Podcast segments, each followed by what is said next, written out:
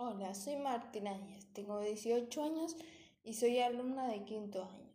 Hoy les voy a hablar sobre la salud mental en la cuarentena. En esta situación de aislamiento social para la prevención y el cuidado por la pandemia del COVID-19, se han presentado casos que afectan a la salud mental de las personas. Si lo relacionamos con el tema de la antropología y el problema del hombre, definimos al hombre como un ser vivo que tiene todo en común con los demás seres vivos.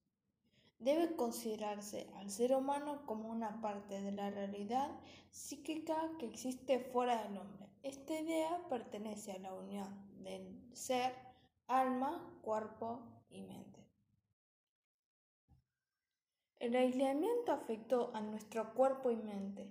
En un estudio realizado por la colectiva feminista del El Salvador y publicado por Telam, mostraba que el 68% de las mujeres entrevistadas manifestó tener estrés, el 52% dijo sentir tristeza, el 49% confesó angustia, el 27% experimentó ansiedad el 19% irritabilidad y el 11% ira.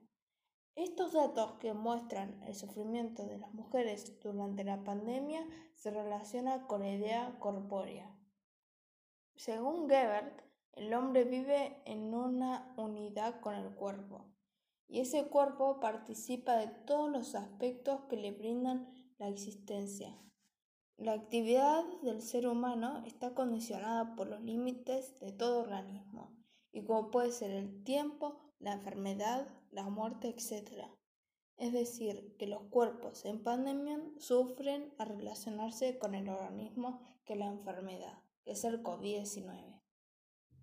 En un artículo de Infobae sobre las secuelas mentales de la cuarentena, Dice que la OMS ha identificado las enfermedades mentales entre las más incapacitantes del mundo occidental, las cuales tienen efectos superiores a las afecciones como la diabetes, el cáncer y las enfermedades cardiovasculares juntas.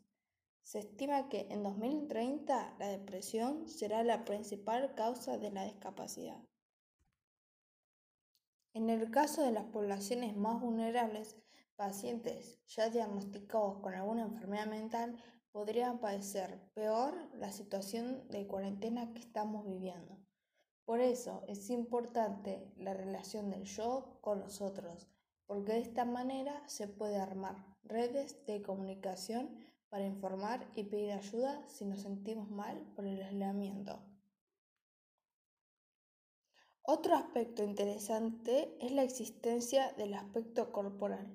Como dice Geber, el cuerpo no está solo orgánicamente en el mundo, sino también humanamente, porque se expresa con los demás.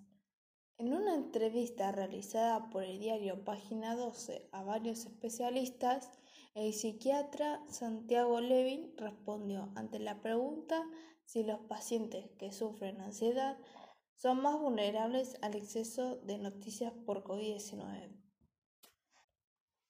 Para Levin, sí. Las personas que sufren algún trastorno de ansiedad son más vulnerables en estos contextos, que son ansiogénicos de por sí. Por eso es importante no discontinuar los tratamientos terapéuticos y farmacológicos ya instalados, moderar el consumo de información en las redes sociales y los noticieros, escoger cuidadosamente las fuentes de información, no abandonar en lo posible las, rutinas habituales y mantenerse comunicado con los seres queridos. Para finalizar, el hombre, lo corpóreo y la relación yo-nosotros nos permite pensar sobre los problemas de salud mental en la cuarentena y buscar soluciones mediante la consulta virtual en lo posible con especialistas y con los seres queridos para sentirnos acompañados y disminuir la ansiedad y el estrés que provocan el encierro. Gracias por escuchar.